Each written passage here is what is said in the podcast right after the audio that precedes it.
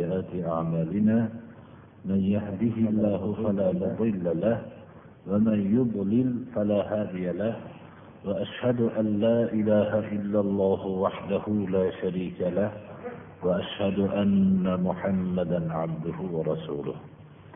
أما بعد السلام عليكم ورحمة الله وبركاته.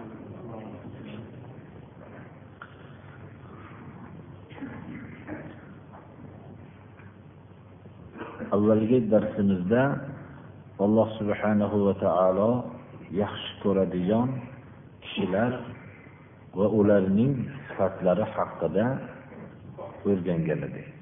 Shu sifatlarni biz ham shunga sifat shu sifatlar bilan sifatlanmoqligimiz kerakki shu sifatlarga ega bo'lsak alloh subhanahu va taolo bizni yaxshi ko'radi. Bu sifatlarni birinchisi ehson sifati deb eslab o'tdik. Ehson sifati bu rob taoloni ko'rib turgandek sig'inish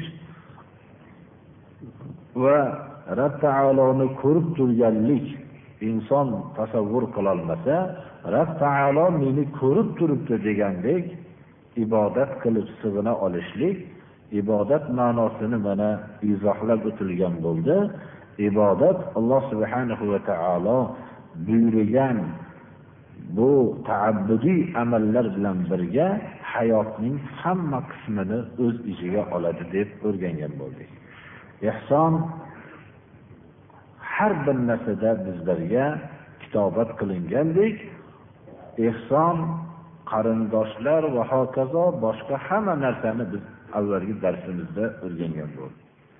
Alloh subhanahu va taolo yaxshi ko'radigan kishilarning ikkinchi toifasi biz taban bu narsani nas qur'oni hadis asosida izohlab aytilayotganlik esdan chiqmasligi kerak. Innalloha yuhibbu va yuhibbul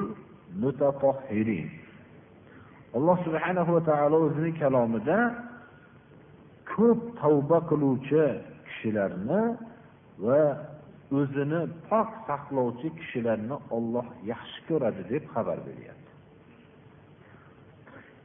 Demak biz bu oyatni avvaliga agar murojaat qilar ekanmiz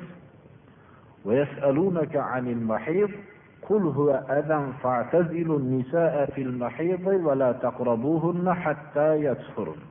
فإذا تطهرن فأتوهن من حيث أمركم الله. إن الله يحب التوابين ويحب المتطهرين. Payg'ambarimiz sollallohu alayhi vasallamga alloh subhanahu va taolo xabar beryaptiki odamlar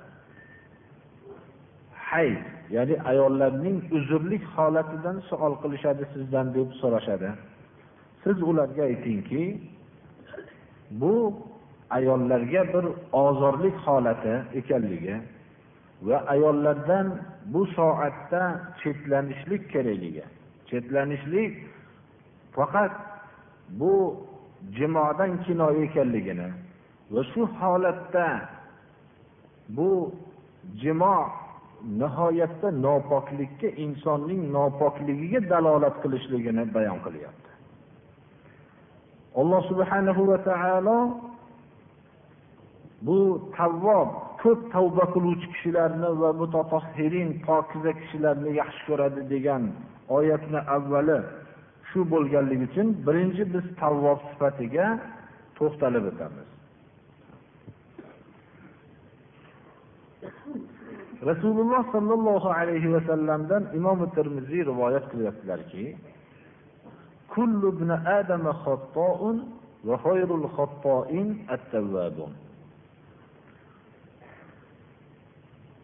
inson avlodi hammasi faqat oz xato emas xattoun ko'p xato qiluvchidir. xato qilmaslikdan inson avlodi bo'lar ekan u salomat bo'lmaydi lekin xato qiluvchilarning eng yaxshilari ko'p tavba qiluvchilardir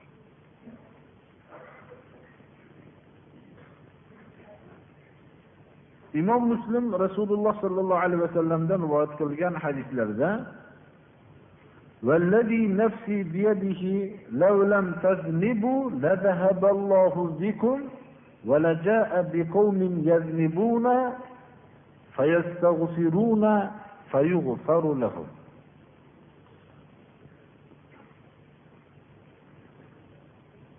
nafsim qo'lida bo'lgan zotga qasam ichib aytamanki ya'ni ruhim qo'lida bo'lgan zotga qasam ichib aytamanki agar gunoh qilmasanglar olloh sizlarni dunyodan yo'qotib gunoh qilib istig'for aytadigan kishilarni va ularning istig'forlarini kechiradigan parvardigor o'zi kechiradigan keladi degan hadis rivoyat qiladi. Ya'ni inson ba'zi vaqtda o'zining xatolariga ko'p attang qilib nadomat qilib o'zini halok bo'lsamidi bu gunohni qilganimdan deb qoladi. Bu gunoh qilmaslik insonni sifati emas bu. Gunoh qilishlik ya'ni xato qilishlik insonni sifati. Lekin bunga ko'p tavba qiluvchi kishilar alloh subhanahu va taologa suyumli kishilar. Biz gunohlar haqida biz alohida to'xtalib o'tamiz inshaalloh darsimiz davomida ma'sum bo'lgan odam payg'ambarlar xolos. Ma'sum ya'ni xatodan saqlangan kishilar payg'ambarlar. Boshqa odamlar hech qaysilari xatodan saqlana olmaydi. shuning uchun ko'p tavba qilishlik sifatiga ega bo'lgan kishilarni alloh subhanahu va taolo yaxshi ko'radi hadisi qudsiyda yabna adam innaka ma da'awtani va rajawtani ghafartu laka على ما كان فيك ولا أبالي يا ابن آدم لو بلغت ذنوبك عنان السماء ثم استغفرتني غفرت لك ما كان فيك ولا أبالي يا ابن آدم إنك لو أتيتني بقراب الأرض خطايا ثم لقيتني لا تشرك بي شيئا لأتيتك بقرابها مغفرة alloh subhanahu va taolo mana hadisi qudsiyda ey inson farzandi sen menga modomiki duo qilib meni rahmatimni umid qilib istig'for aytib duo qilib turar ekansan senga seni men gunohlaringni mag'firat qilaman gunohlaringni qanchaligini e'tiborga olmayman. Ey inson farzandi agar gunohing osmon tizginiga yetsa ya'ni shunchalik osmonni to'ldirgan bo'lsa ham istig'for aytgan bo'lsang senindagi gunohlarni men kechiraman deydi. Ey inson farzandi agar yer qobig'i to'la xato bilan kelsang menga shirk keltirmagan holatda ro'baro bo'lsang senga yer qobig'i to'la mag'firat bilan ro'baro bo'laman deydi bu nususlardan biz shuni bilamizki inson farzandi hammasi xatokor ma'sum bo'lganlar payg'ambarlar alayhissalom xolos. Demak alloh subhanahu va taolo bizdan tavba ko'p tavba qilishligimizni olloh yaxshi ko'radi. Qur'oni karimda maqtagan bandalarini gunoh qilmagan bandalar deb maqtamadi. Chunki alloh subhanahu va taolo gunoh qilishlik tabiatimizni bizni bildi. استعيذ بالله والذين إذا فعلوا فاحشة أو ظلموا أنفسهم ذكروا الله فاستغفروا لذنوبهم ومن يغفر الذنوب إلا الله ولم يصروا على ما فعلوا وهم يعلمون أولئك جزاؤهم مغفرة من ربهم وجنات تجري من تحتها الأنهار خالدين فيها va ajrul. Gunoh ishni qilgan kishilar yo o'zlariga zulm qilgan kishilar Allohni yodlariga olib gunohlariga istig'for aytgan kishilar gunohni Allohdan boshqa kechirmaydi. Faqat Alloh kechiradi. Qilgan gunohlarda davom etmagan kishilar bilib turgan holatda gunoh ekanligini bilib gunohlarda davom etmagan kishilarni alloh taolo maqtadi. Inson gunoh ekanligini bilib u gunohni bir marta qilishdan ko'ra yana davom etadigan bo'lsa mana bu kishini alloh subhanahu va taolo yomon ko'radi ana shunday bilib turgan holatda gunohlarda davom etmagan kishilarni bularning mukofotlari robbilari tarafidan mag'firat va jannat deyapti. Jannat va'da qilingan kishilar gunohdan toza odamlar deyilayotgani yo'q. Gunohini takror qilmasdan bilib turgan holatda takror qilmasdan o'zlarini saqlab qolgan odamlar. Gunohda davom etmagan kishilar deb maqtayapti alloh taolo. Gunohlarni ollohdan boshqa kim kechiradi? degan oyatda bir to'xtalib o'tmoqchiman. Gunohlarni xatoni ollohdan boshqa kechirmaydi birodarlar. Odamlar bir birlariga qilib qo'ygan xatoni kechirmaydi qalbida qoladi. Boshqa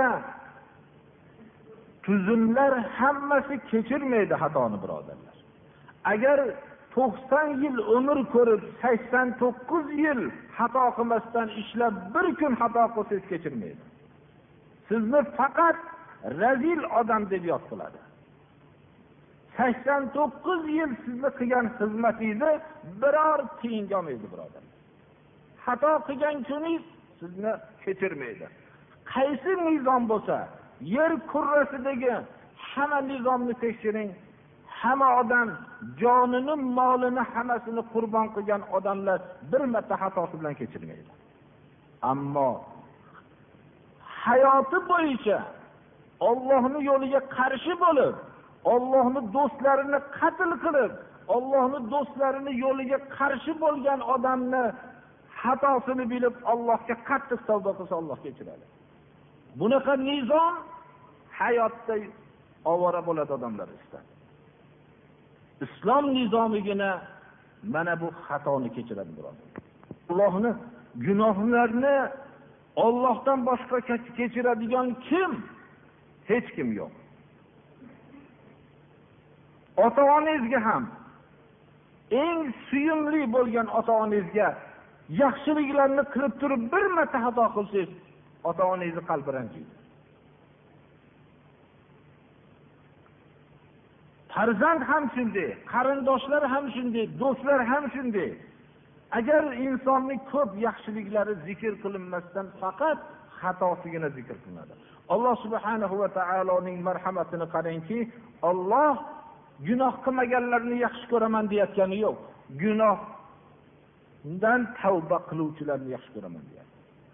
Mana bu narsa biz alloh subhana va taologa osiy bo'lishdan hech choramiz yo'q. Xatolarimiz albatta sodir bo'ladi. Xatolarimiz turli tuman mana bu xatolardan tavba qiluvchi kishilarni yaxshi ko'radi. Xatoni qilib davom etmagan kishilarni yaxshi ko'radi. Bilib turgan holatda xatolarni qilmagan kishilarni yaxshi ko'radi. Ammo boshqa tuzumlarki mutlaqo xato qilmagan odamni yaxshi ko'radi. Lekin u odamlar hammasi xatokor odamlar. Ularni shuning uchun hayotdagi hamma nizomni tekshirib ko'radigan bo'lsangiz hayotingiz davomida qilgan yaxshiligingizni zikr qilmaydi faqat xatoyingizni zikr qiladi. Alloh subhanahu va taolo insonni bitta yaxshiligi shuni hisobga olib ham mag'firat qiladi birodarlar. Hadis shariflar mana shunga dalolat qiladi. Mana shunday biz bilmadik birodarlar.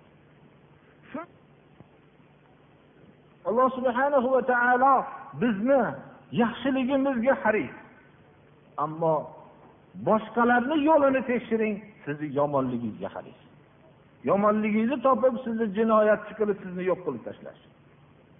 Hamma tarixdagi eskiyu yangi nizomlar hamma shundan boshqa emas birodar.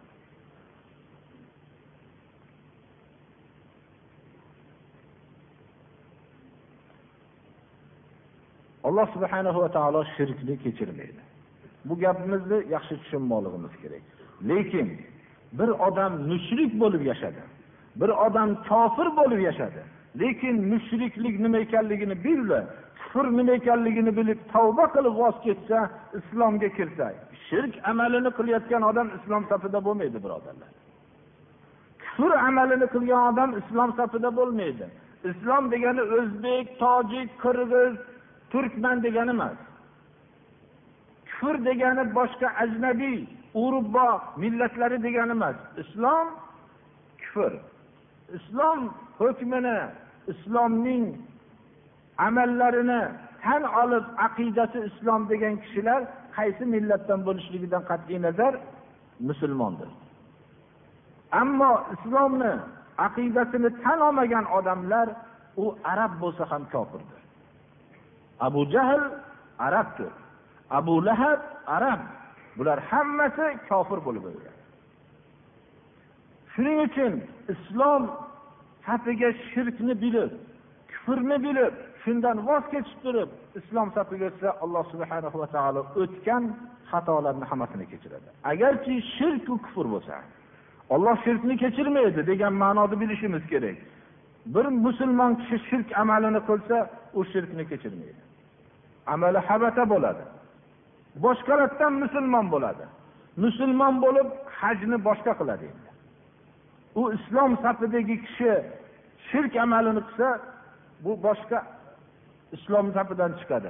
Ammo shirk yo'lida yashab butun hayoti bo'yicha kufrda yashab turib islom safiga o'tganda alloh subhanahu va taolo uni xatosini kechiradi ya'ni olloh shirkni kechirmaydi degan gap bilan agarki xato shirku kufr bo'lsa ham kechiradi deganni farqini tushuntirib qo'ymoqchiman.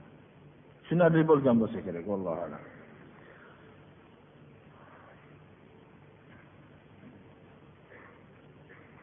Hattoki alloh subhanahu va taolo mana aytib o'tdiki bizning to'g'ri amalimizga nihoyatda haris. bunga rasululloh sollallohu alayhi vasallam o'zlari banu isroilda bo'lgan voqealarni ba'zisini eslatdilar abu dovud o'zlarining sunanlarida rivoyat qiladilarki كان في بني إسرائيل رجلان متواخيان أحدهما مذنب والآخر في العبادة مجتهد وكان المجتهد لا يزال يرى الآخر على ذنب فيرى أقصر. فوجده يوما على ذنب فقال أقصر. فقال خلني وربي أبعثت رقيب علي رقيبا؟ فقال له والله لا يغفر الله لك أو قال لا يدخلك الجنة. فقبض الله أرواحهما فاجتمعا عند رب العالمين. فقال تعالى للمجتهد أكنت على ما في يدي قادرا؟ وقال للمذنب اذهب فادخل الجنة برحمتي وقال للآخر اذهبوا به إلى النار وقال أبو هريرة تكلم والله بكلمة أوبقت دنياه وآخرته بنو إسرائيل ikkita bir biriga tanish bo'lgan ikki kishi bor edi bittasi doim xato qilib yurardi gunoh ishlarni qilib yurardi ikkinchisi ibodatda juda ishtihod bilan g'ayrat qilardi Ijtihod qilib yurgan kishi gunoh qilib yurgan kishini qachon ko'rsa ey gunohingni to'xtat deb qo'yardi. Bir kun gunoh qilayotganligini ko'rib aytdiki to'xtat gunohingni deganda u aytdiki meni rabbim bilan qo'yib qo'ygin dedi gunoh qilib yurgan odam. Menga sen nazoratchi qilib jo'natilganmiding dedi. Shunda u aytdiki ollohga qasam ichamanki olloh seni kechirmaydi. Dedi yo bo'lmasam seni jannatga la jannata. Olloh seni qasam ollohga qasam ichamanki olloh seni jannatga kirgizmaydi dedi. Shunda alloh taolo ikkovining ruhini qabz qildi ya'ni vafot toptirdi. Robbil alaminni huzurida ruhlari jamlandi. Shunda g'ayrat qilib ibodat qilganga aytdi. Meni qo'limdagi rahmatni tortib olishga sen qodirmiding? dedi. Buni jannatga kirgizmaslik men kirgizmoqchi bo'lsam sen kirgizmaslikka qodirmisan dedi gunohkor gunoh bilan o'tganga bor jannatga kir dedi rahmatim bilan dedi va g'ayrat qilganga bu qarab buni do'zaxga olib boringlar dedi abu hurayra bu hadisni rivoyat qiluvchi zot aytadilarki sahobiy roziyallohu anhu qasam ollohgaki bir so'zni aytdiki bu dunyoyu oxiratini kuydirib tashlaydigan so'zni aytdi. Ya'ni inson ollohni huquqini qanday tortib olishlikka qodir? Hadis shariflarda borki inson hayotida shunday yashaydiki jannatga bir qarich qoladi. Bir qarich qolganda bir so'z aytadiki uni jannatdan mashriq bilan mag'ribga uzoqlashtirib yuboradi. Insonning hayoti shunday bo'ladiki ba'zilarni do'zaxga bir qarish qoladida u bir so'zni aytadiki uni do'zaxdan mashriq bilan mag'ribgacha uzoqlashtirib yuboradi. Ya'ni yaxshi so'z aytadi. Inson alloh subhanahu va taoloning jannatiga qilgan o'zining amalini ko'pligi bilan kira olmaydi.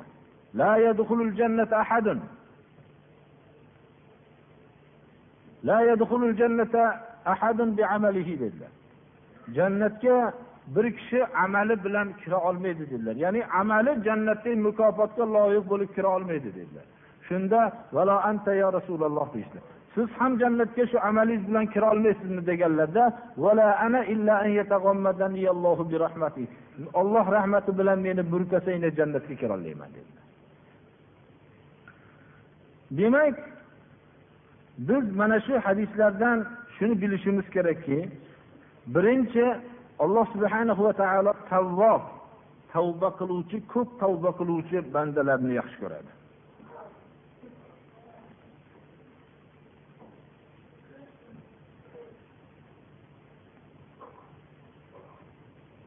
Inson har qancha gunoh qilgan bo'lsa ham ollohni rahmatidan umidsiz bo'lmasligi kerak. Ollohni rahmatidan umidsiz bo'lmaslikka alloh subhanahu va taolo chaqirdi. Inson hayotni o'tkazadi. Dunyoda hech qaysi bir nizom bu savolga javob bermaydi birodarlar.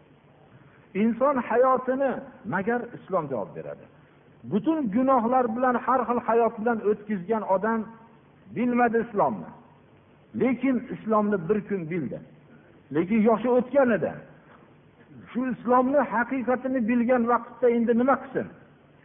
O'zi orzu qiladiki shu soatdan boshlab men agar komil inson bo'lolasam o'zimni o'nglagan bo'lardim deydi. Dunyodagi hamma nizomda komil inson bo'lishlik mumkin emas. Magar islomda bo'lishlik mumkin. Hayotda islom keltirgan holatda yashagan kishilarning eng qisqa yashaganlarini tarixda zikr qilishadilarki ma'lum bo'lgani ma'lum bo'lmaganini olloh o'zi biladi. Ollohni o'ziga ma'lum. Holid ibn valid lashkarlarini to'g'rilab turgan vaqtlarida shunda kofirlar safidan bir kishi chiqdi. Holid ibn valid bilan yakkama yakka kurashmoqchi bo'ldi. O'zini shunday ko'rsatdi. Lekin maqsadi holid ibn validdan bir savol qilmoqchi edi. Holid ibn valid taban safda avvaliga chiqdilar. Yakkama yakka chiqqan vaqtlarida so'radilarki holid ibn validdan so'radiki bu dinsiz bo'lib turgan odam meni bir savolim bor dedi. Olloh subhanahu va taolo sizlarga payg'ambaringlarga bir qilich tushirdimiki osmondan shuni sizga berdimi? Shuning uchun sizni sayfulloh deb ollohni qilichi deb nomlandingizmi dedi. Deganlarida yo'q bunday emas dedi. Men payg'ambarimiz payg'ambar payg'ambar bo'lgan muddatlarda odamlar ikkiga bo'lindi. Ba'zilar u kishiga yordam berdi ba'zilar u kishiga qarshi bo'ldi. Qarshi bo'lganlarni eng qattig'i men edim dedi. Lekin islomni haqiqatini tushundim dedi. Tushunib payg'ambarimiz sollallohu alayhi vasallamni oldiga kelib iymon keltirdim. Va keltirdimda bir talab qil mendan deganlar o'tgan sizga qarshi turgan davrlarimni hammasini olloh kechirsa shuni umid qilaman dedi. Shu aytdilarki al islom islom o'tgan gunohlarni hammasini kechiradi dedi. Ya'ni islom safiga o'tishlik bilan o'tgan gunohlarni eslanmaydi deganlarda shunda sizni qarshingizga xizmat qilgan bu qilich endi sizni foydangizga islomni foydasiga bo'lishligini ollohdan so'rayman dedi shunda bu kishini meni sayfulloh deb u kishi laqabladilar ollohni qilichi dedilar. Shuning uchun qayerga borsam mag'lub bo'lmadim dedilar. Shunda u so'radiki men ham hozir musulmon bo'lsam sizlarni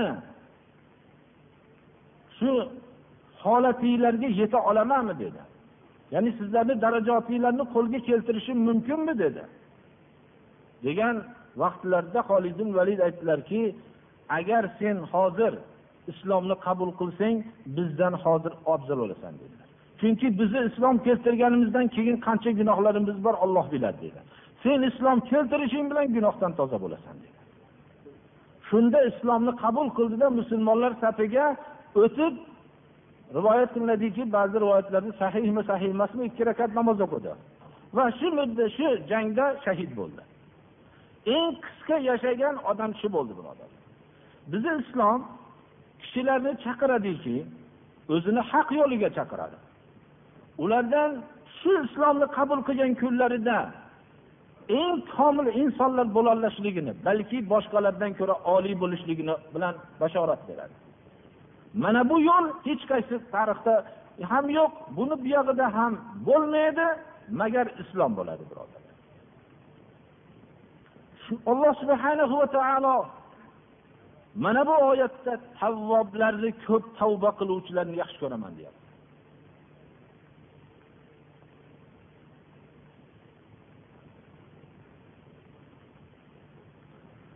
Shuning uchun ham islom keltirgan kishi shu yerdagi turgan odamlarni shu soatda afzali bo'lib turadi birodarlar. Shunchalik xato qilgan butun hayotida isrofu xato bilan o'tgan kishilarni alloh subhanahu va taolo o'ziga izofa qilib chaqiradi. Ey meni bandalarim deb chaqiradi.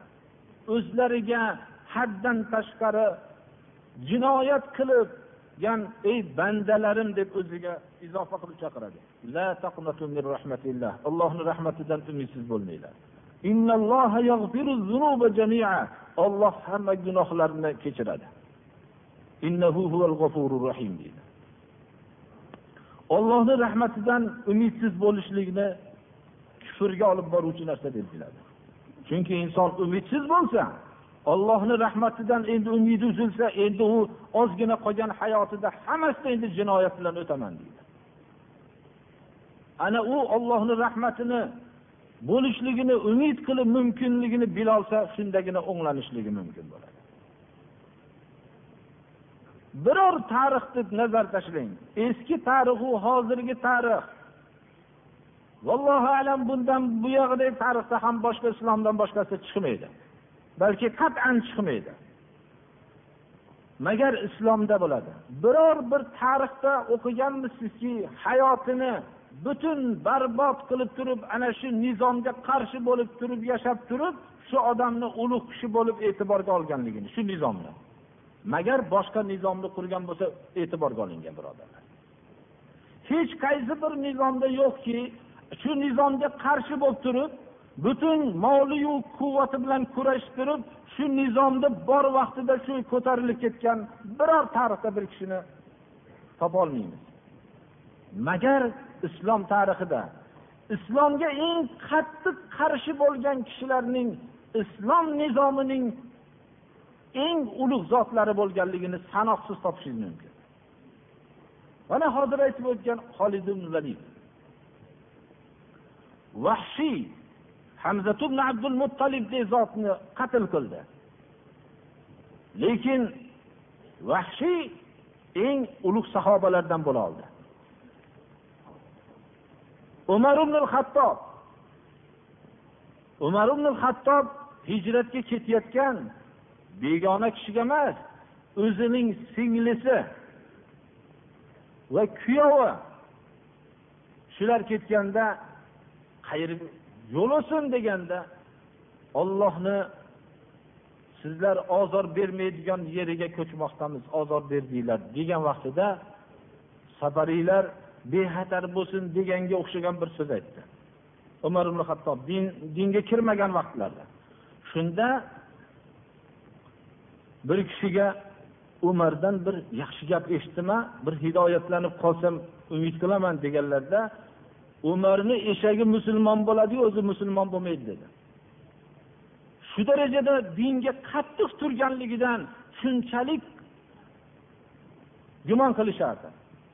Umar ibn hattobni qiyomatgacha musulmonlar o'zlariga ustoz deb biladi.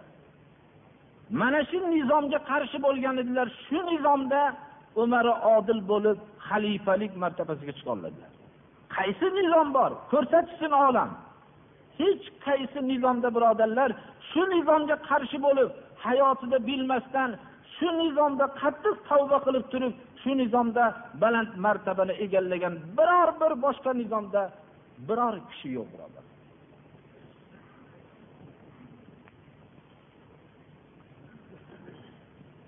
Shuning uchun hayotlarida ba'zi bir xatolar bilan o'tgan hammamizda xato bor.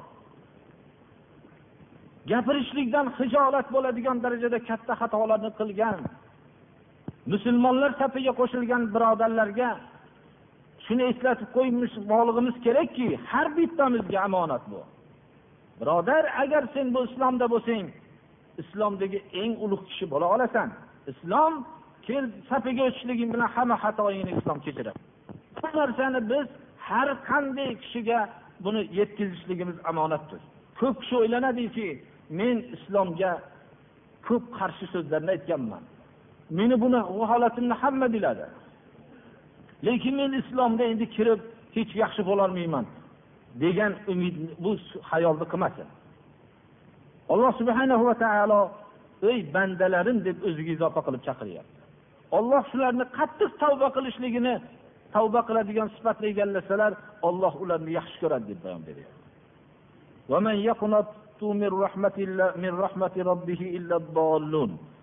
Robbining rahmatidan adashgan odamlargina umidsiz bo'ladi.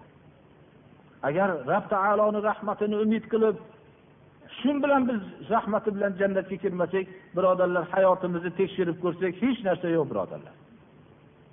o'n besh o'n olti yil bolalik bilan o'tib ketadi. Hayot nima hech narsani tushunmaymiz. o'n besh o'n oltiga kirgandan yigirma beshgacha butun hayotdagi urf kiyim urflari va boshqa urflar va o'yin kulgi yigitlik shular davriga o'tib ketadi. Tekshirib qarasangiz dadamizdan yo boshqa bironta ustozdan qo'rqqanligimizdan jinday jinday kitob ko'rib qo'yamiz. Yigirma beshdan keyin farzand ko'rilgan vaqtdan keyin farzandlarni bizning butun hayot dunyo boshqa narsa bilan o'tadi. Endi aql kirib o'ttiz besh qirqqa boshlashi bilan kasallik boshlanadi badanda quvvat qolmasdan kasallik bilan davrlar o'ta boshlaydi. Qirq bu aql kirgan vaqtida bir yaxshi pokiza yashay desa badanining kasalligi yoinki bir taklifotlarni ko'pligi har kuni bolalarga qarash va hokazo qarindoshlarni ko'ngli olishi bilan bo'ladi. Qirqdan keyin endi u yog'i pastlik birodarlar. Yig'lab uzr aytishlikdan alloh subhanahu va taoloni huzuriga gunohimni kechirgin uzr aytishlikdan boshqa yo'q. Tarixdagi eng havas qilgan kishilarni tekshirib ko'radigan bo'lsak ikki yil yo uch yil bir hayotini bir foydaliroqqa o'xshagan qilib o'tkazgan. Shu odamlar umrini bir daqiqasini bekor o'tkazmagan odamlar deb gumon qilamiz. Tekshirib qarasa yigitlik davrini bir ikki yil shu davrni bir g'animat bilganga o'xshagan deb aytaylik shunday o'tkazgan xolos. Shu qilgan amallar bilan eniyu yeru osmoncha keladigan insonning ko'zi ko'rmagan qulog'i eshitmagan hayoliga tushmagan lazzatlar dunyosi bo'lgan ziyofatxona jannatga sazovorman deb o'ylaymizmi birodarlar. Alloh subhanahu va taolo o'zining rahmati bilan jannatga dohil qilmasa insonning hamma hayoti bunday tekshirib qarasak po'stinbaga chiqib ketgan deb aytsak xato bo'lmaydi. Ana shunday hech narsa yo'q. Alloh subhanahu va taolo bizdan ixlos va qalbimizda faqat o'zining rizosini umid qilish aqidasinigina bizdan xatolarimizga tavba qiluvchi bo'lishligimizni alloh subhanahu va taolo yaxshi ko'radi. Lekin shu bilan birga alloh subhanahu va taoloning rahmatidan umidsiz bo'lmaslik bilan birga inson doim xavfda. Alloh subhana va taoloning ko'rib turganligini doim his qilib toyilishlardan ehtiyot bo'lishlik bilan yashamoqlik kerak. Ollohning azobidan bu beparvo bo'lmaslik kerak.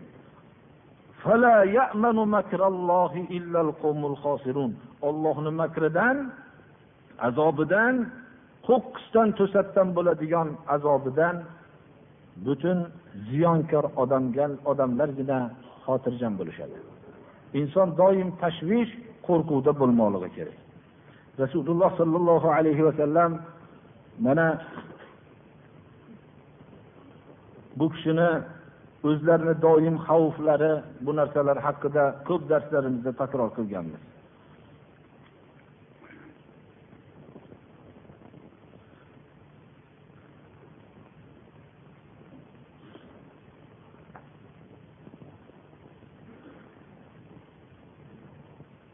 Alloh subhanahu va taolo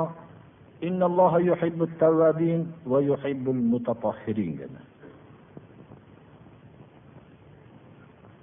Biz tavba haqida ozgina to'xtalib o'tishlikni bir qisqacha aytmoqchimiz. Tavba istig'forning eng yaxshi soatlaridan bittasi sahardir. Qur'oni karimda الصابرين والصادقين والقانتين والمنفقين والمستغفرين بالأسحار deb saharlarda istig'for aytuvchilarni alloh taolo maqtadi sobirlar sabr qiluvchilar sodiqlar va qonit ibodat qiluvchilar mollarini shariat buyurgan o'rinlarga sarf qiluvchi va saharlarda istig'for aytuvchi deb shularni hammasini bir o'rinda keltirdi Tekshirsak ba'zimiz musibatlarga sabr qiladigan quvvatimiz bor. Lekin sodiq emasmiz ba'zimiz sodiqmiz. Havas qilasiz lekin ibodatda yo'q. Ba'zimiz to'xtamasdan nafl ibodatlarni qiladigan tabiatdamiz. Molimizni yaxshi yo'lga sarf qiladigan tabiatimiz yo'q. Ba'zilarimiz molimizni har qancha yaxshi joyga sarf qiladiganmiz lekin saharda istig'for aytishlik yo'q. alloh subhana va taolo mana bu beshta sifatni yonma yon zikr qildi va istig'for birortasini qayd qilmadi chunki ular ma'lum bo'lgan ammo istig'forni yaxshi kishilarni saharda istig'for aytuvchilar dedi sahar bu subhidan ilgarigi yo subh vaqtlarining avvali mana payg'ambarimiz sollallohu alayhi vasallam ينزل ربنا كل ليلة إلى سماء الدنيا حين يبقى ثلث الليل الآخر فيقول من يدعوني فأستجيب له من يسألني فأعطيه من يستغفرني فأغفر له sihohda hammasi zikr qilingan imom nasoiydan boshqa beshta sihohda zikr qilingan robbimiz har kechada dunyo osmoniga tushadi kechaning uch qismining oxirgi qismi qolganda ya'ni kechani uchga bo'lib uchinchi qismida kim duo qiladi menga? Duosini ijobat qilaman deydi. Kim so'raydi mendan maqsadini beraman deydi. Kim menga gunohlarga istig'for aytadi gunohlarni kechiraman deydi. Agar bozorda birodarlar oddiy narsani bekorga taqsim qilinyapti desa hammamiz boramiz. Kim bu chaqirayotgan odam? Bir odam bizga o'xshagan. Balki bir aldash maqsadida chaqirayotgan odam aksar. Ammo boring yaxshi maqsadda chaqirayotgan bo'lsa beradigan narsasi nima? Oddiy dunyoviy narsa balki bizda undan necha barobar yaxshi narsalar ham bor. Lekin bekorga bir berayotganligini hisobi bilan shuni oldiga chopib boramiz. Bu yerda robbil olamin kim duo qiladi? Ijobat qilaman deyapti. Kim so'raydi? Beraman deyapti. Kim gunohlariga istig'for aytadi men gunohlarni kechiraman deyapti. Ammo shuni sahar vaqtini aytyapti.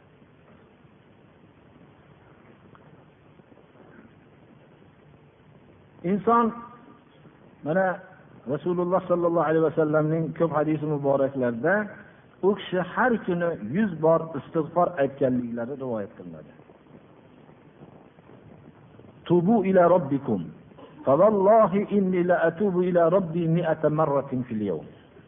robbiylarga tavba qilinglar. Qasam yod qilib aytamanki allohga qasam ichamanki dedilar. Har kuni yuz bor istig'for aytaman dedilar. Gunohlari kechirilgan zot. Yuz bor istig'for aytaman dedilar.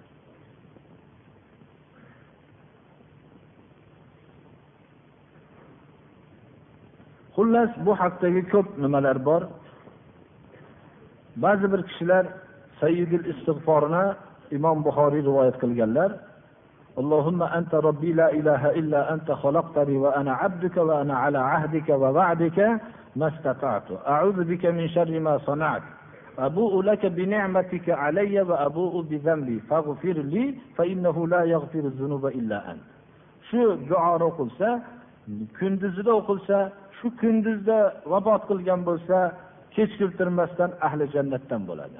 Agar kechqurunda shu so'zni aytib yurgan bo'lsa yaqin hosil qilgan holatda tong ottirmasdan jon taslim qilsa ahli jannatdan bo'ladi deb imom buxoriy shu rivoyat qilganlar. Payg'ambarimiz sollallohu alayhi vasallam namozda salom berganlarida savbon rivoyat qiladilar.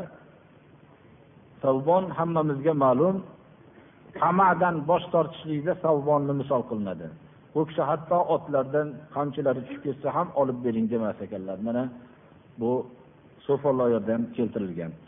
Shu kishi rivoyat qiladilarki payg'ambarimiz sollallohu alayhi vasallam salom bersalar salomdan keyin uch bor istig'for aytar ekanlar namozdan keyin. Va allohumma antassalam va minkassalam tabarakta ya zal jalali val ikrom deb istig'fordan keyin shunday der ekanlar. Mana namozdan keyin. Namozdan keyin istig'for aytilinishligining hikmati vallohu alam namozdagi nuqsonlarimizga istig'for aytsak kerak vallohu alam. Avzoiyga aytildilarki ho'p istig'for uch marta istig'for aytadilar deyapsiz. Qanday istig'for? deb so'rashganlarda astag'firulloh astag'firulloh astag'firulloh dedilar. Imom termiziy abu hurayradan rivoyat qilgan hadis shariflarda payg'ambarimiz sollallohu alayhi vasallam aytdilarki bir majlisda bir kishi o'tirgan bo'lsa har xil gaplarni ko'p gapirilib ko'rgan bo'lsa va o'rnidan turib ketishlikdan ilgari subhanakallohumma va bihamdik ashhadu an la ilaha illa anta astag'firuka va atubu ilayk degan so'zni aytsa shu suhbatda bo'lgan xatolariga kafforat bo'ladi degan ekanlar xullas tavvob tavba qiluvchi degan ma'noni shu ma'sur bo'lgan rasululloh sollallohu alayhi vasallamning ta'limotlari asosida tavba sifatiga ega bo'lsak shundagina biz olloh yaxshi ko'radigan bandalardan bo'lamiz. Pokiza kishilarni alloh taolo yaxshi ko'radi. Qur'oni karimda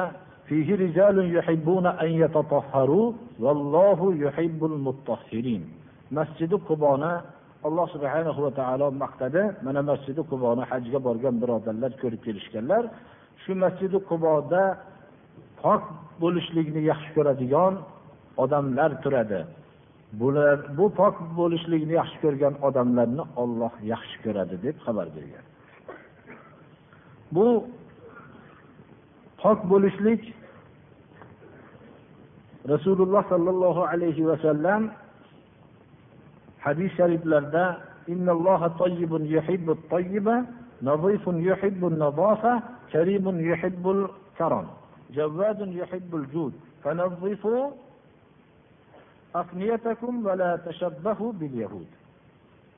olloh pokdir pokizalikni yaxshi ko'radi ozodadir ozodalikni yaxshi ko'radi olloh karimdir karamni yaxshi ko'radi olloh sahiydir saxovatni yaxshi ko'radi. O'zinglarni uyinglarni oldini pokizalanglar yahudlarga o'xshamanglar. Yahudlarni ko'rsangiz yahudlarni u yuzini sovun surtib bu yurganiga e'tibor bermang. Yahudlarni xonadonlarini oldi mana bu yerda yoshi katta kishilar biladi shularni hamma mazavalarni uyini oldiga to'kadi. Tamomiy islom pokizalikni yaxshi ko'radi deb ular pokiza bo'lmaslikka harakat qiladi. Shu darajada.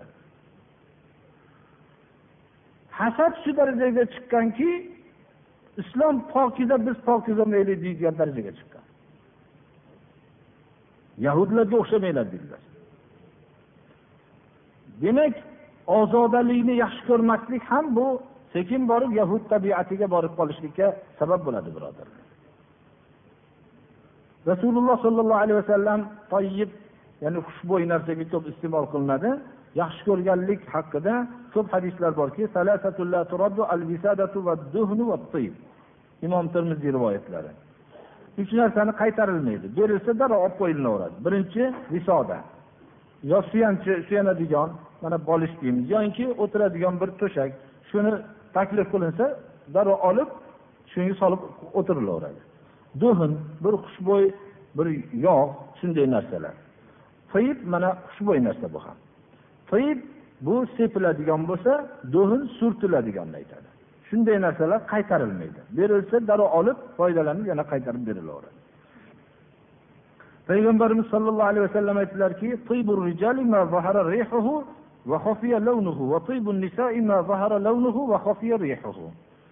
er kishilarni xushbo'yi hidi bilinadigan bo'lib rangi ko'rinmaydigan bo'lgani yaxshiroq dedilar.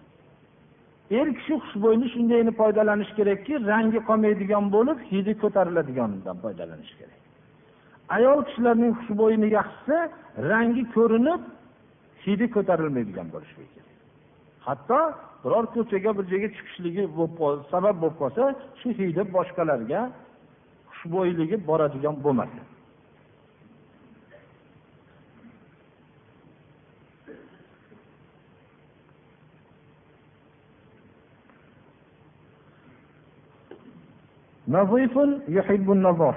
nazif bu endi toyib bu xushbo'y narsa bo'lsa nazofat ya'ni pokizalanish إنكم قادمون على إخوانكم فأصلحوا رحالكم وأحسنوا لباسكم حتى تكونوا كأنكم شامة في أعين الناس فإن الله لا يحب الفحش ولا التفحش birodaringlarni oldiga ketyapsizlar o'zinglarni isloh qilinglar ya'ni rihol markabiylarni isloh qilinglar va libosinglarni yaxshilanglar hatto odamlar oldida ko'zida holga o'xshab turinglar alloh subhanahu va taolo bunaqa soqolni isloh qilishlik bu yerdan murod u kishi qaytib darrov isloh qilib o'chirdi mana bu narsa dalolat qiladiki alloh subhana va taolo bir insonga bir ne'mat bergan bo'lsa uni ko'rsatib turishligini chiroyli ko'rsatishlikka harakat qilishligiga dalolat qiladi. Abu hurayradan rivoyat qilingan hadisda mana al fitratu xomsun ya'ni pokizalik beshta narsani bittasiki xatna qilish val istihdad ya'ni nopok tuklarni olish va sharib mo'ylovni olish va taqlimul abfor tirnoqni olish va natful ibd qo'ltiqni ostini tozalashlik. Mana bu narsa ham islomning ko'rsatmasidandir. Tarixgacha birodarlar islom ibrohim halilulloh ko'rsatmasi va janobi rasululloh sollallohu alayhi vasallamga sunnat bo'ldi bu amallar shu ko'rsatmalar bo'lmaguncha tarixda birov qo'ltig'ini tayin tozalagan emas birodarlar. Bu yevropadan kelgan emas bu hech qachon yevropa tozalanishni bilmagan birodarlar. Islom o'rgatgan bu narsani fitrat mana tarixni murojaat qilinsin. Bu islom ko'rsatmasi asosida bo'lgan. Payg'ambarimiz sollallohu alayhi vasallam mutatohirin pokiza bo'lishlik uchun bu narsalarni biz qancha muddatda tozalanishimiz kerak degan savol ham bo'lishligi kerak. Biz bu darsimiz bo'lganligi uchun hamma narsani ochiq bayon qilamiz birodarlar. Ashobi sunan anas roziyallohu anhudan rivoyat qilingan hadisda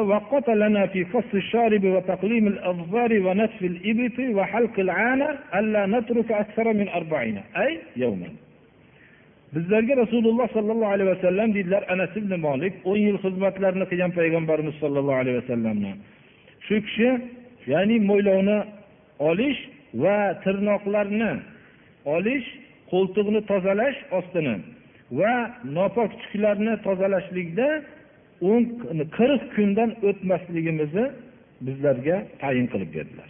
Ya'ni qirq kun muddatni ichida inson bir tozalanishligi kerak. Payg'ambarimiz sollallohu alayhi vasallam mana salmoni forsiydan bo'lgan rivoyatda aytdilarki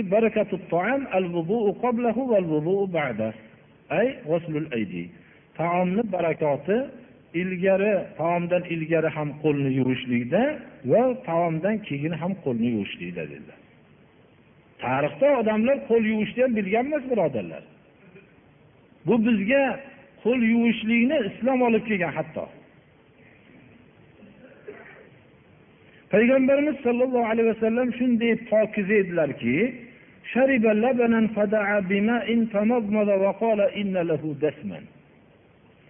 sut ichdilar va sut ichganlarida shom namozidan ilgariyda suv talab qildilar. Suvni ichib mazmaza qildilar va aytib qo'ydilarki bu mazmazani sababini sutda yog' bor deb qo'ydilar. Ya'ni shu yog'ini og'izlaridagi qolgan sutni yog'ini shuni mazmaza qilib yog'ini ketkizib namozga o'tdilar. Shu darajada hassos va ozoda edilar.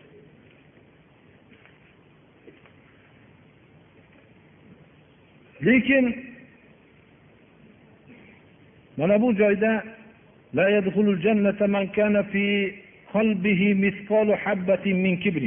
bunday tozalik ozodalik kibrga sabab bo'lib qolmasligi kerak. Payg'ambarimiz sollallohu alayhi vasallam qalbida kibr yelkada yo bosh tepasida turmaydi birodarlar. Kibr qalbda bo'ladi birov ko'rmaydi.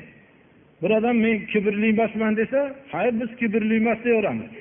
Olloh bilan o'zini o'rtasidagi sir bu.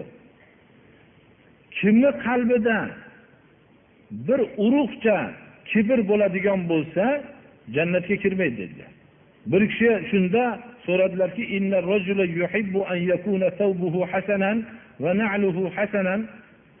shunda bir kishi turib so'radilarki bir kishi mumkin kiyimini juda chiroyli bo'lishligini va oyoq kiyimini chiroyli bo'lishligini yaxshi ko'radi. Shu ham kibrmi dedilar. Ba'zi rivoyatlar bor menga alloh subhana va taolo bir husn bergan mana ko'rib turibsizlar dedilar. Shu libosimni biror kishini libosi menikidan ortiq bo'lishligini xohlamayman dedilar. Shu kibrmi yo rasululloh dedilar. Shunda aytdilarki olloh chiroyli chiroylilikni yaxshi ko'radi dedilar. Ya'ni bu kibr emas dedilar. Al kibru batarul haqqi va kibr haqni ya'ni haqqa maslik qilishlik haqqa unamaslik inkor qilishlik. Haq zohir bo'lganda unamaslik kibr dedilar. Agarchi eski chopon bo'lsa ham. Odamlarni kamsitish. Bir odam aytaylik ozg'in bir odam pastak bir odam ko'rinishi boshqacharoq. Shu odamlarni o'zini ixtiyori bilan bo'lgan emas shularni kamsitish shu sifati uchun kamsitishlik bu kibr dedilar. Shuning uchun birodarlar o'zini ixtiyoridan tashqari bo'lgan birovni kamsiting ibodatda yo'qligi uchun. Birovni kamsiting biror bir shariatni hukmini qilmaganligi uchun. Bu haqqingiz bor. Lekin bir odamni masalan badaniga oq tushib qoldi yoki birorta kasallik yo bir shunday bo'lsa bu ixtiyori bilan bo'lgan emas bu narsa. Buni biz kamsitishlikka haqqimiz yo'q bu narsa. Kibr paydo bo'lib qoladi shunda. Olloh karimdir karimlikni yaxshi karamni yaxshi ko'radi. Javvod sahiydir saxovatni yaxshi ko'radi. Rasululloh sollallohu alayhi vasallam mana biror narsa so'ralgan bo'lsa u kishi yo'q demagan ekanlar.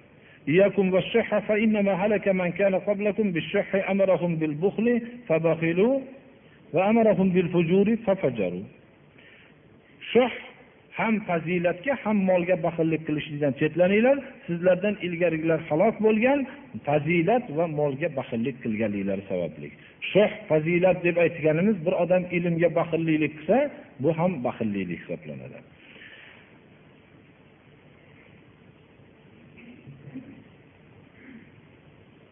lekin shuni biz bilmoqligimiz kerakki haddan tashqari dunyoga g'arq bo'lishlik bu karamni bahana qilib turib g'arq bo'lib ketishligimiz ham durust emas.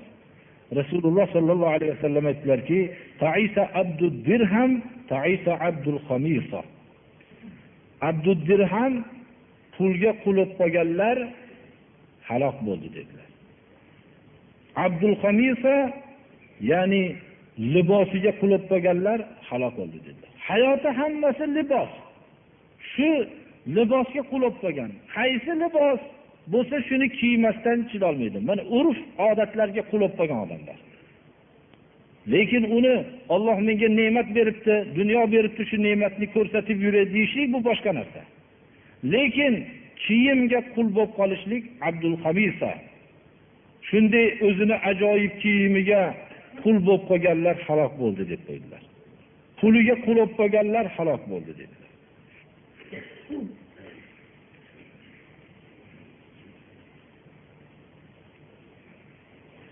pokiza bo'lish va pokizalik xushbo'ylikni qabul qilish bu narsa ekanligini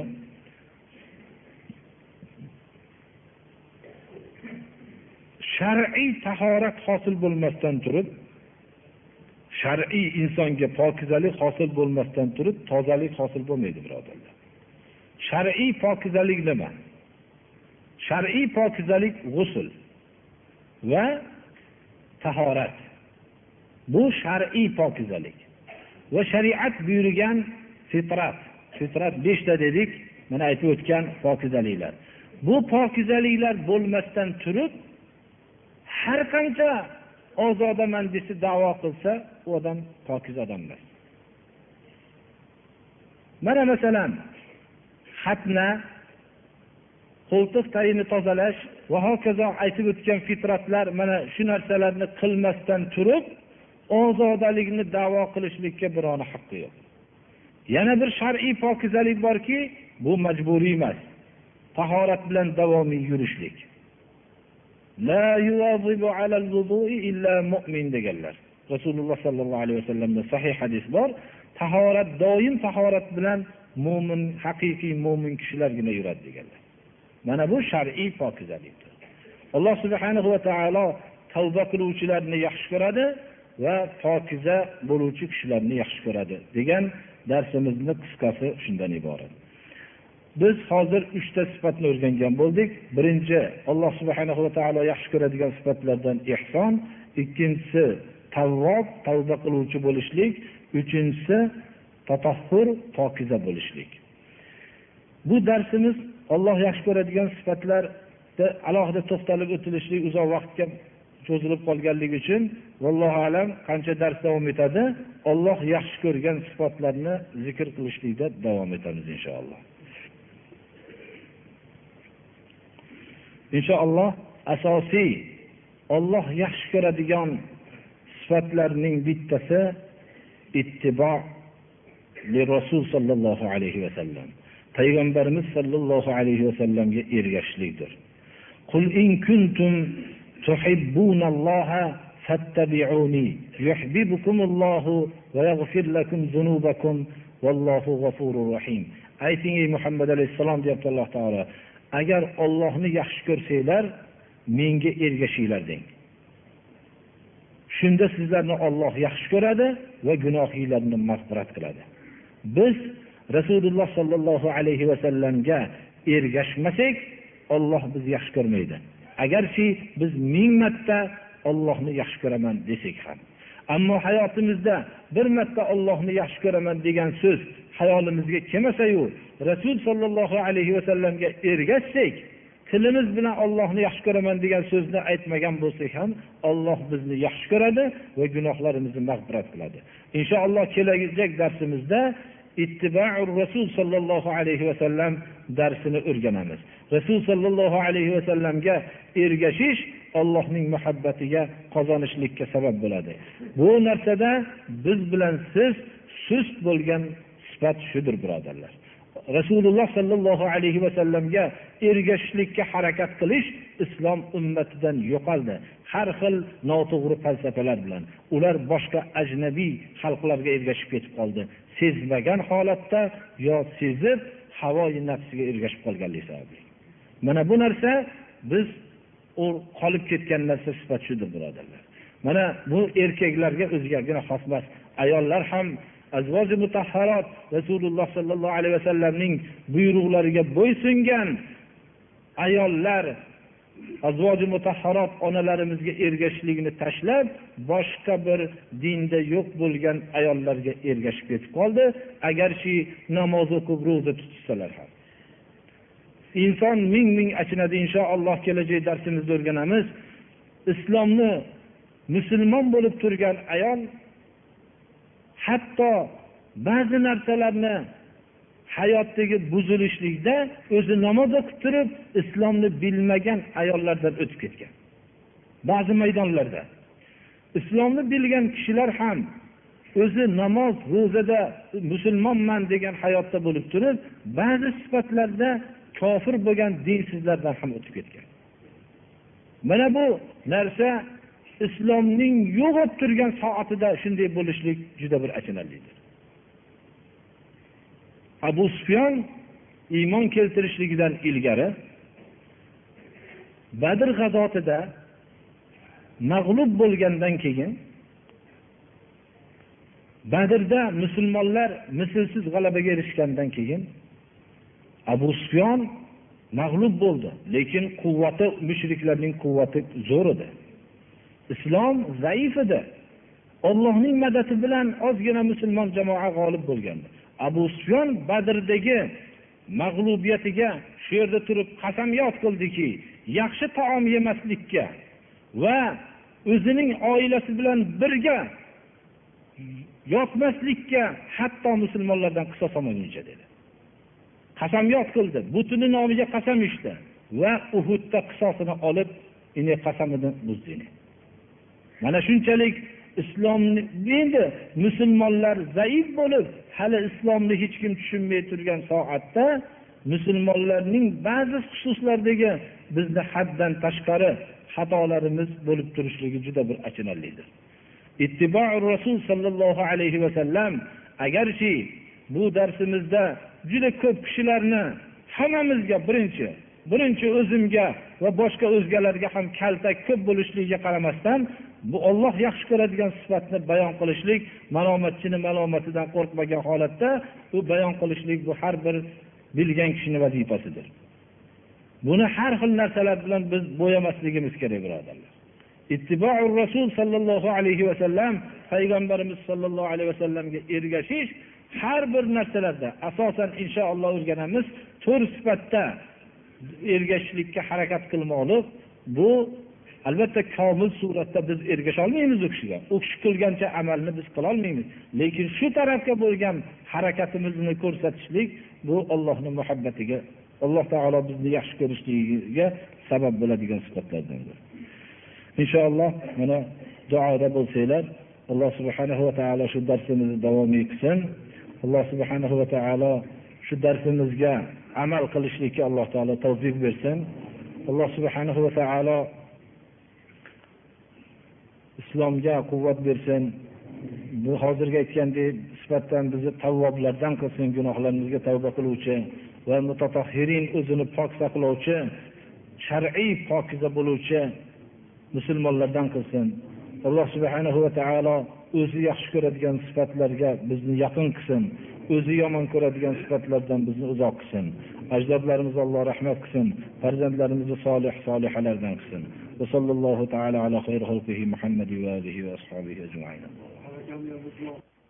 أن لا إله إلا الله وحده لا شريك له وأشهد أن محمدا عبده ورسوله أما بعد السلام عليكم ورحمة الله وبركاته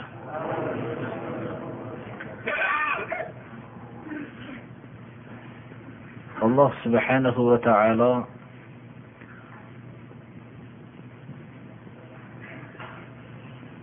insonga buyurgan narsaning eng muhimi tavhid bo'lib qaytargan narsaning eng zaruriysi shirkdir. Alloh subhanahu va taolo insonni yaratar ekan qaysi yaxshilik bo'lsa shunga yo'lladi. Qaysi yomonlik bo'lsa shundan qaytardi. Buyurgan yaxshiliklarning eng asosiysi tavhiddir. Qaytargan narsalarning ichidagi eng yomoni shirkdir. Modomiki insonning qalbida tavhid barpo bo'lmas ekan shirkdan ehtiyot bo'lib saqlanishlik barpo bo'lmas ekan uning hayotdagi qilgan amalining birortasini e'tibori bo'lmaydi birodarlar. U biz bilan sizni ko'zimizga ko'ringan har qanday yaxshilik deb atalgan narsa u ollohning mezonida yaxshilik emas. Shuning uchun tavhid aqidasini qalbga o'rnatmoqligimiz kerak va undan keyin shirkdan salomat saqlanmoqligimiz kerak. Va iymon asoslaridan bo'lgan eng asosiy iymon halqasini ham qo'lga keltirmoqligimiz kerakki bu olloh uchun yaxshi ko'rishlik olloh uchun yomon ko'rishlikdir. Mana bu sifat iymon halqalarining eng mustahkamidir. Al iymon al fillah fillah. Shu narsani biz o'zimizda mujassamlashtirganimizdan keyin alloh subhanahu va taoloning buyurgan farzlarning eng asosiysi namozdir. Namozni barpo qilishlikka alloh subhanahu va taolo buyurdi. Va alloh subhanahu va taolo namozni barpo qilganimizdan keyin zakotni o'tashlikka olloh buyurdi. Bu zakotni o'tashlikka biz majburmiz modomiki iymonni davo qilsak. Bugungi darsimizda savol javoblar nihoyatda ko'p savollar bo'lganligi uchun darsimizni mavzusini har xil boblarga o'tkazamiz. Goho shu bobga o'tishligimiz bizlarning ko'p narsa haqlarida qisqacha bir ma'lumotga ega qiladida shu bilan ba'zi savollar ham kamayib qolsa ajab emas. Dushanba kuni alloh subhana va taoloning madadi bilan mana bir dars davom etyapti. Alloh subhanahu va taolo shu darsni davomiy qilsin. Buning dushanba kuni tanlanishligining siri abu hurayra roziyallohu anhudan rivoyat qilingan hadis sharif rasululloh sollallohu alayhi vasallam marhamat qildilarki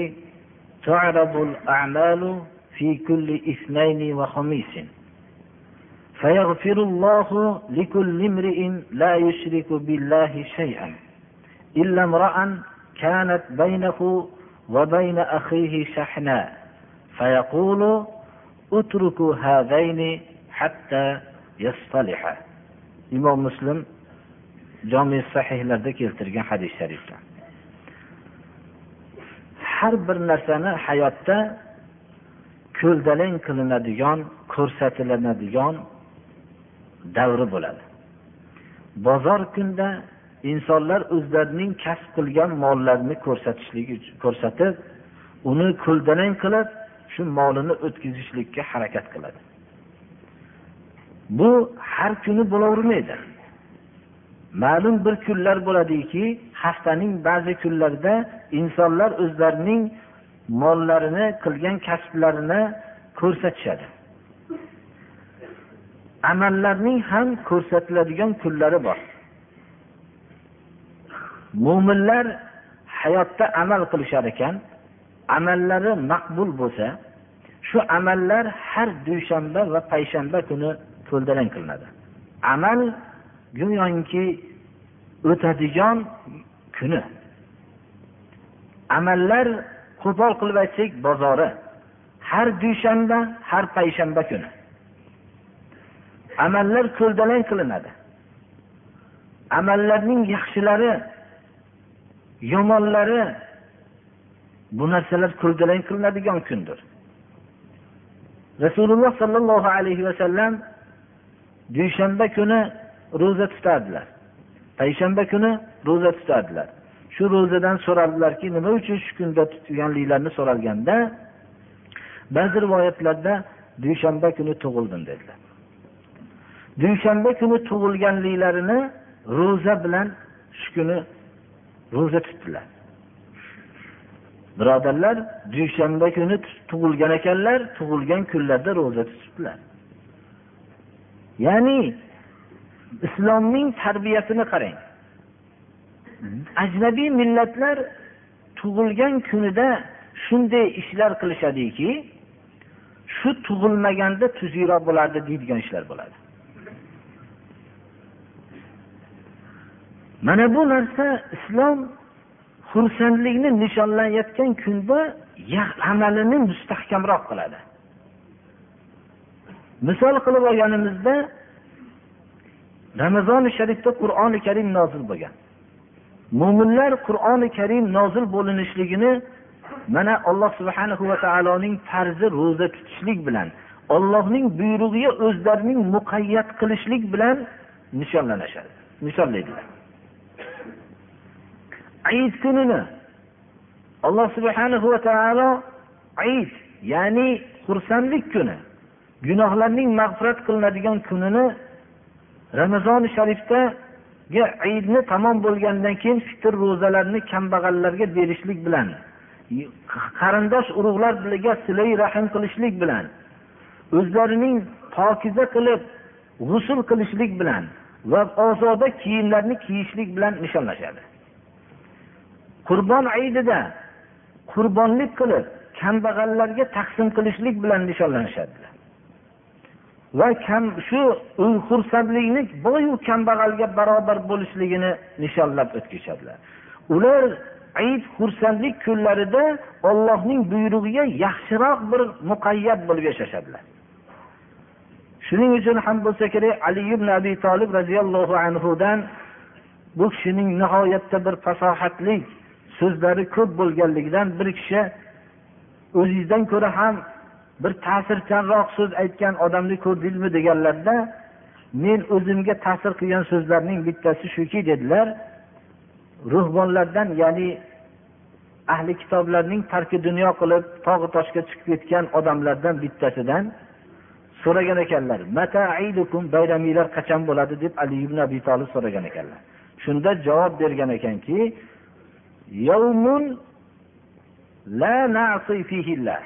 bizni bayramimiz ollohga osiy bo'lmagan kunimiz bayram degan ekan. Ya'ni amallar ham dushanba va payshanba kuni ko'ldalang qilinadi. Rasululloh sollallohu alayhi vasallamdan dushanba kungi ro'zadan so'raganlar so'ralganlarda javob bergan ekanlarki dushanba va payshanba kuni nafl ro'za tutaman amallar ko'ldalang qilinayotgan vaqtda ro'zador bo'lib turishlikni xohlayman degan ekanlar ya'ni yaxshiroq amalda turishlikni xohlayman degan ekanlar mana bu kunda alloh subhanahu va taolo amallarni ko'ldalang qilingan vaqtda inson yaxshiroq bir amal ustida turishligini o'zining bozorga olib chiqqan kasbdan qilgan narsalarini inson har xil bo'ladi. Ba'zilari yaxshi bo'lmaydi yaxshirog'i ko'rinib turgan vaqtda shu yaxshisi bilan boshqalari ham o'tib ketib qoladi birodarlar. Ana shunga o'xshagan shu kunda amalni e'tibor qilar ekanlar. Ertaga bozor degan kuni birodarlar har kim beparvo bo'lib kelayotgan bo'lsa ham ertaga bozor degan kuni kechroq uxlab saharroq turib tayyorgarlik ko'ra boshlaydi. Mo'min kishi ham o'zining dushanba va payshanba kunida amallar ko'ldalang qilinadigan kun deb ishtihod shu kunda amalga yaxshiroq ko'proq yaxshi amal qilishlikka ishtihod qilmoqligi kerak. Bizning dunyoqarashimizga faqat ajnabiy falsafalarning ta'siri ko'p o'tib ketganligidan biz moddiy narsalarni ham tushunib qolganmizda ma'naviy taraflarga biz e'tibor bermay qo'yganmiz. Alloh subhana va taolo shu kunda ollohga hech bir narsani sharik qilmagan odamlarni gunohini kechiradi. Magar bir kishi bilan ikkinchi bir kishi o'rtasida mo'min birodarini o'rtasida adovat bo'lsa alloh taolo maloikalarga aytadiki qo'yib qo'yinglar bu ikkovini. O'zlari bir kelishguncha gunohini kechirmay turaylik ya'ni gunohi kechirilmasdan tursin deb shunday deb qo'yar ekan.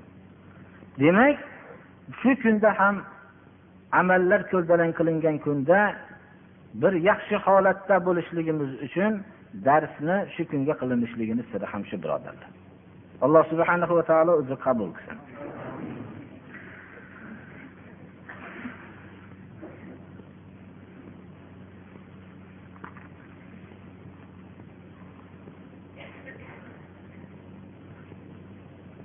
Payg'ambarimiz sollallohu alayhi vasallam musulmon kishini so'kishlik haqida qattiq so'z yo'llanma qattiq so'z dedi aytdilar.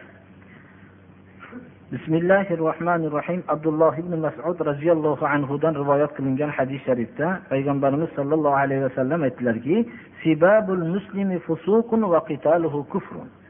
Musulmon odamni so'kishlik fisqdir. U bilan qattiq bir qitol qattiq jang qilishlik kufrdir nonko'rlik bu. agar qatlga olib borsa ya'ni o'ldirishlikka borib qolsa kufr bu abu zar g'iforiy roziyallohu anhudan rivoyat qilingan hadis sharifda rasululloh sollallohu alayhi vasallam aytdilarki لا يرمي رجل رجلا بالفسق أو الكفر إلا ارتدت عليه إن لم يكن صاحبه كذلك bir kishi ikkinchi bir kishini fisq bilan yo kufr bilan haqorat qilib shunga bo'xton toshini otsa u so'kilgan odam shunday odam bo'lmasa haqiqatda shu fisqu kufr unga qaytib keladi. Agar bir kishini bir odam fosiq desa yoinki kofir desa ikkita odamdan bittasi albatta fosiq yo kofir bo'ladi. Agar haqiqatda fosiq bo'lsa shuni aytgani. Haqiqatda kofir bo'lsa shuni aytgani. Ammo haqiqatda shunday bo'lmasa o'zi fosiq yoyinki kofir degan bo'lsa kofir bo'ladi albatta bittasi bo'ladi degan ekanlar. Shuning uchun bu kalimani og'izga olinishligida ehtiyot bo'lmoqlik kerak. Rasululloh sollallohu alayhi vasallam hali tiriklarni emas o'lgan kishilarni so'kishlikdan qaytardilar. Oysha roziyallohu anhodan rivoyat qilingan hadis sharifda aytdilarki o'lgan kishilarni so'kmanglar. Ular endi taqdim qilishgan narsalarga yetib borishdi. Agar ular tamomiy zalolatda bo'lishgan bo'lsa jahannamga yetib borishdi. So'kishlikni foydasi yo'q. Va yana yaxshi odamlar bo'lgan bo'lsa alloh subhanahu va taolo gunohlarni mag'firat qilgan bo'lsa bu so'kishlik insonga yomonlikni olib keladi. Alloh subhanahu va taoloning rozi bo'lgan narsasiga rozi bo'lmasligini olib keladi.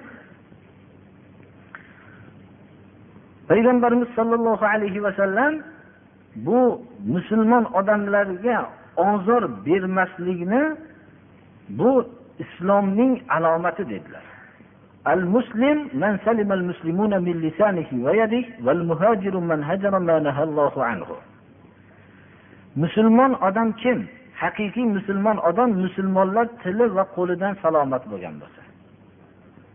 Biz shu qo'lidan salomat bo'lsa tilidan salomat bo'lganligi albatta uning ozori so'kishidan salomat bo'lsa deb tushunamiz. Qo'lidan salomat bo'lsa degani albatta undan bir zarba kalta yemasligini tushunamiz. Lekin bu nuqta bir daqiqdir birodarlar. Bir musulmonni haqida yomon so'z yozishlik ham u musulmonni qo'lidan salomat bo'lmaslikdir birodarlar. Ba'zi musulmonlar so'kmaydi urmaydi. O'zini musulmon sanagan odam deb aytsa yaxshiroq bo'ladi. Lekin qalami bilan musulmonni butun unga butun tajassus qilib ayblarini istab har qanday bir buni ustidan shikoyatlar nohaq bo'xtonlar bilan shikoyat qiladi. Mana bu qo'lidan salomat bo'lmayishlikni ma'nosini buni ham tushunmoqligimiz kerak.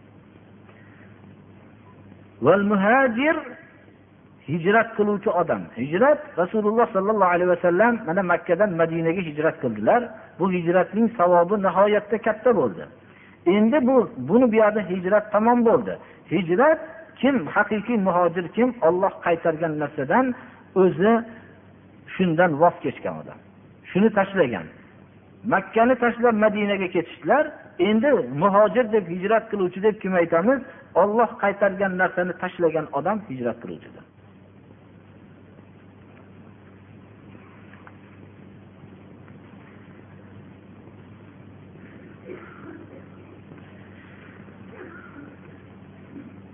musulmon odamni ustidan kulishlik haqida.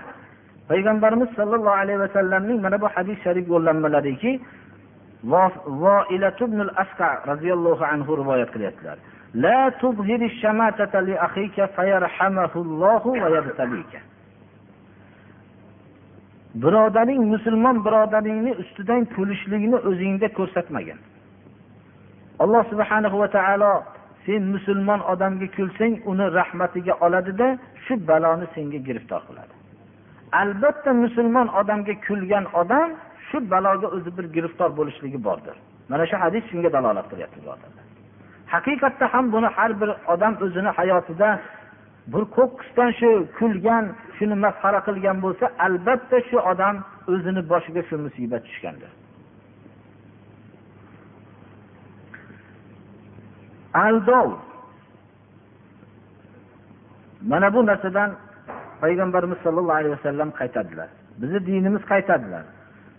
Abu hurayra roziyallohu anhudan rivoyat qilingan hadis sharifda rasululloh sollallohu alayhi vasallam aytdilarki man hamala alayna silah falaysa minna. Va man ghashshana falaysa minna. Kim bizga siloh ko'targan bo'lsa dedilar payg'ambarimiz sollallohu alayhi vasallam ya'ni mo'min kishilar mo'min odamga siloh ko'targan odam bizdan emas dedilar. Va bizga g'ashlik qilib soflik bilan muomala qilmagan odam bizdan emas dedilar.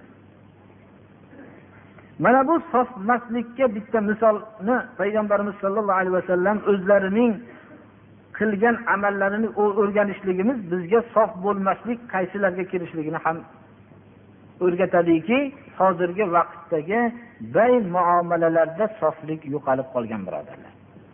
Payg'ambarimiz sollallohu alayhi vasallam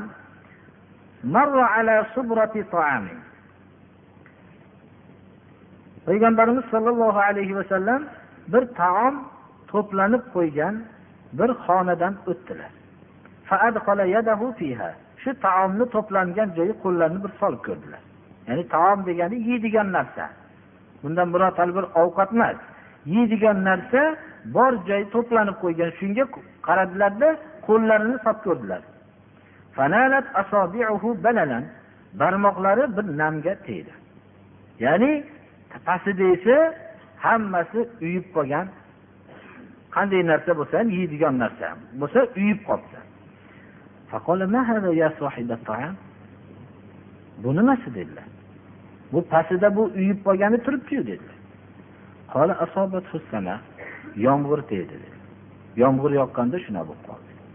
Ya rasululloh قال أفلا جعلته فوق الطعام حتى يراه الناس من غشنا فليس منا bu shu nam bo'lgan joyni sen tepasiga qo'yib qo'ymabsanda dedilar hatto odamlar ko'rishi kerak edi dedi bizga xolis muomala qilmagan odam bizdan emas dedilar mana bu narsada biz biror bir narsani aybini aytib qo'ymoqligimiz kerak barakotning yo'qolishligi shu sabab bo'ldi. Bizga ajnabiy millatlardan mana bu nosoflik o'tib keldi birodarlar. Bizni tariximiz sof muomalalar bilan to'la. Hozirgi vaqtda musulmonlar shunaqa bo'lib qolgan deb ko'p odamlar deydi yo'q bu o'z öz o'zidan bo'lgani yo'q. Bu qattiq bir uyushtirilgan ishlar natijasida musulmonlar shu ahvolda bo'lib qoldi. Abu hanifa rahimaulloh bu kishi to'mpurishlik qilar ekanlar. Shu to'nlarini ba'zi ayblarini aytishlikni tayinlagan ekanlar. Xodimlari buni aybini aytmasdan sotib yuborgan ekan. Bir xilda qilib sotib yuborgan. Ikki xil savdoga qo'yishligi kerak bo'lganda buni ikki xil sotmasdan hammasini bir xilda sotgan ekan. Shu kelsalar xodim hammasini shunday bir xilda savdo sotganligi ma'lum bo'lgandan keyin shunda o'zi qoida bir bay buzilib qolsa savdodan bo'lgan foydani birovga aytmasdan muhtojlarga berib yuboriladi dastmoya halol bo'laveradi. Bu kishi dastmoyani ham qo'shib turib berib yuborgan ekanlar bizni islom tarixida muomalatlar bay muomalatlarni ko'rilsa faqat pok muomalatlar bilan to'la bizni tariximiz. Lekin mana bu hozirgi davrdagi narsa islomning ta'sirida bo'lgan emas birodarlar. Hozirgi ta'sirlar islomga zid bo'lgan tarbiyaning ta'sirida shunday bo'lib qoladi payg'ambarimiz sollallohu alayhi vasallam najishdan man qildilar. Mana abu hurara roziyallohu anhuni rivoyatlarida la tanajashu najis muomala qilmanglar dedilar. Najis nima? Bir kishi ikkinchi bir kishiga savdo qilib turgan vaqtda sotuvchi odamga ikkinchi bir kishi kelib misol qilib aytsak yuz so'mga sotilayotgan narsa bo'lsa shuni yuz ellik so'mga bering deydi. Lekin olish niyati yo'q. Yuz ellik so'mga bering deydida u oluvchi odam oldidan ketadi yuz ellik so'mga bermagandan keyin. Bu keyingi olmoqchi bo'lgan odam ketgan bu ketgandan keyin yuz ellik so'mga menga bering deydi. Mayli boshqaga bermadim sizga berdim deb beradi. Bu sotuvchi bilan haligi odam kelishib olgan. Ya'ni shu narsaning narxini baland qilishlik uchun o'zi olish niyatida yo'q matoni balandroq narx bilan aytadida uni unga bermaydida ketgandan keyin boshqa odam olsa e menga bu boshqa narxga boshqa odamga bermagan narxga menga berdi deb quvonib ketaveradi sodda odam bo'lsa. Mana bu najisdir. Shundan payg'ambarimiz sollallohu alayhi vasallam man qildilar. Bir kishi rasululloh sollallohu alayhi vasallamning oldilariga kelib bayda ko'p aldanaman dedilar. Shunda aytdilarki kim bilan bay qilayotganingda la xilabata deb qo'ygin dedilar. Bayda aldosh yo'q deb qo'ygin la xilabata. Shu deyishlik bilan aldanmaysan dedilar. Shuning uchun bayda aldanib qolayotgan odam la xilabata ya'ni bayda aldash yo'q degan so'z bilan inshaalloh mana rasululloh sollallohu alayhi vasallam yo'llanma beryaptilar shu bayda aldanmaydi. Aldashlik hayot bo'lar ekan fasod yo'llarida ham ba'zida aldaydi odamlar. Mana bu abu hurayra roziyallohu anhudan rivoyat qilingan hadis sharifda rasululloh sollallohu alayhi vasallam aytdilarki man aw mamlukahu falaysa minna.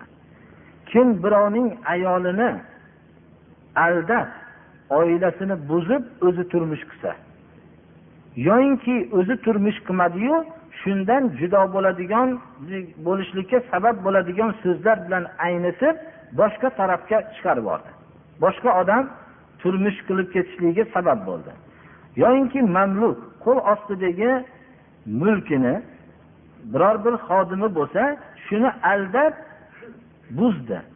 Mana bu bizdan emas degan ekanlar. Mana bu narsa birodarlar hozirgi vaqtda bunaqa ishlar nihoyatda ko'p quloqqa chalinadi. Ko'proq bu narsa birodarlar birovning qo'lida xizmat qilib turgan mana bu kishilarni aldab ketishlik ko'p topiladi. Bu ko'chadagi odamlarda bo'lsa mana bu ayolini buzib qo'yishlik ya'ni uning axloqini buzishlik shu bilan buni ko'nglini sovutib boshqa taraflarga ajralib ketishligiga sabab bo'ladigan ishlar bu bizdan emas dedilar. Bizdan emas bo'lgan musulmon bo'lmagan odamlarni qilishligi bunga qiziq emas ajablanarli emas. Ular albatta shu ish bilan hayotini o'tkazishadi. Shunday fasodlar bilan o'tkazadi lekin musulmonlardan agar kimda kim shunday qilsa mendan emas dedilar rasululloh sollallohu alayhi vasallam.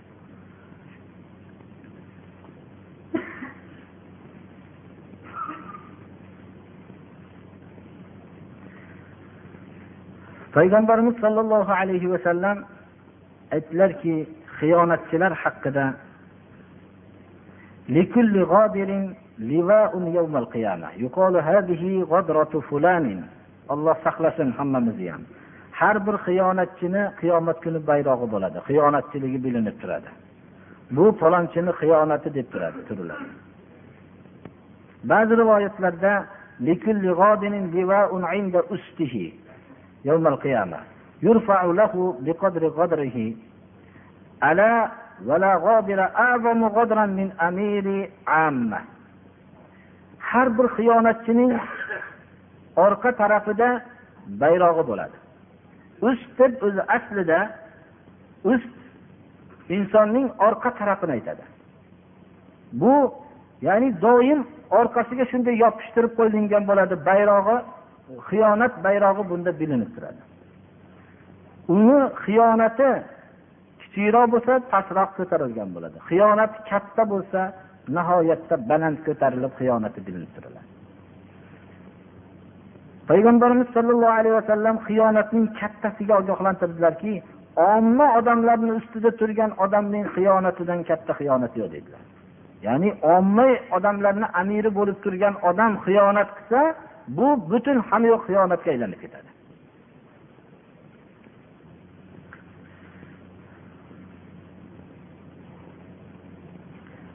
Abu zar g'iforiy roziyallohu anhudan rivoyat qilindiki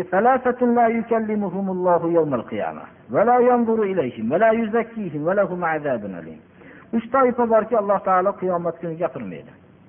Ularga qaramaydi ham ularni poklamaydi ham. Ularga alamlantiruvchi azob. dedilar rasululloh sollallohu alayhi vasallam قال فقرأها رسول الله صلى الله عليه وسلم ثلاث مرات uch marta shuni o'qidilar shu mazmunni bizga shu so'zlarni uch marta o'qiganlaridan keyin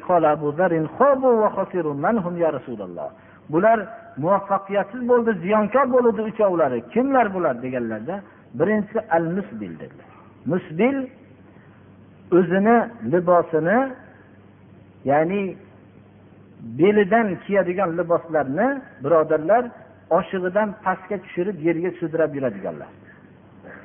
Yerga sudrab yurib shuni kibran shunaqa qilgan odamlar. Faqat kibrga qaytdir birodarlar. Kibran shunday qilgan odamlarga alloh subhana va taolo qiyomat kuni gapirmaydi qaramaydi potlamaydi ikkinchisi mannon minnat qiluvchi. Minnat qiluvchi bir yaxshilik qilmovchi emas yaxshilik qiladiyu minnat qiladi. Mana bu. Uchinchisi o'zini matosini yolg'on qasam bilan bozorda yurgizadi. O'tmay turgan narsasini bozorda yolg'on qasam bilan bozorda yurgizib yuborgan uchov toifaga alloh subhana va taolo qaramaydi gapirmaydi va poklamaydi ularga alamlantiruvchi azob.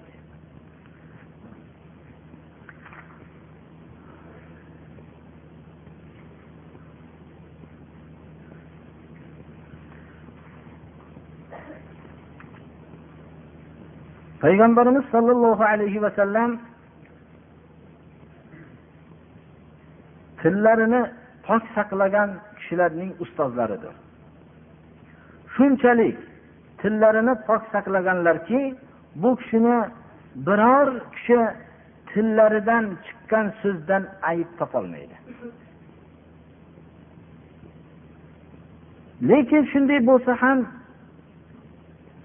ba'zi bir kishilarga la'nat aytganlar la'nat aytilgan odamlar nihoyatda razil bo'lganligidan shularga la'nat e'lon qilganlar. Shular kimlar? Qur'oni karimda alloh subhana va taolo birinchi ala la'natullohi ala zolimin dedi. Ollohni la'nati bo'lsin zolimlarga. Zolim odamga ollohning la'nati bo'lsin deb olloh o'zi aytdi qur'oni karimda.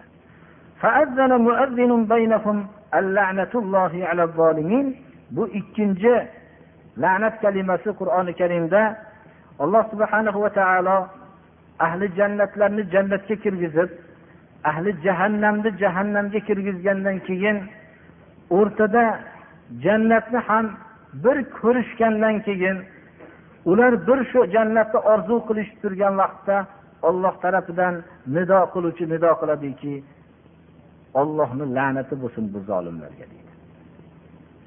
Jannatni ular ko'rishligi musulmonlarni dunyoda masxara qilib yurishgan edi. Nahotki shular kirib biz qolamizmi deb masxara qilib yurishgan edi? Ana shu holatni alloh subhana va taolo u ahli jannatni ularga bir ko'rsatadiki bu alam azob ziyoda bo'lishi uchun.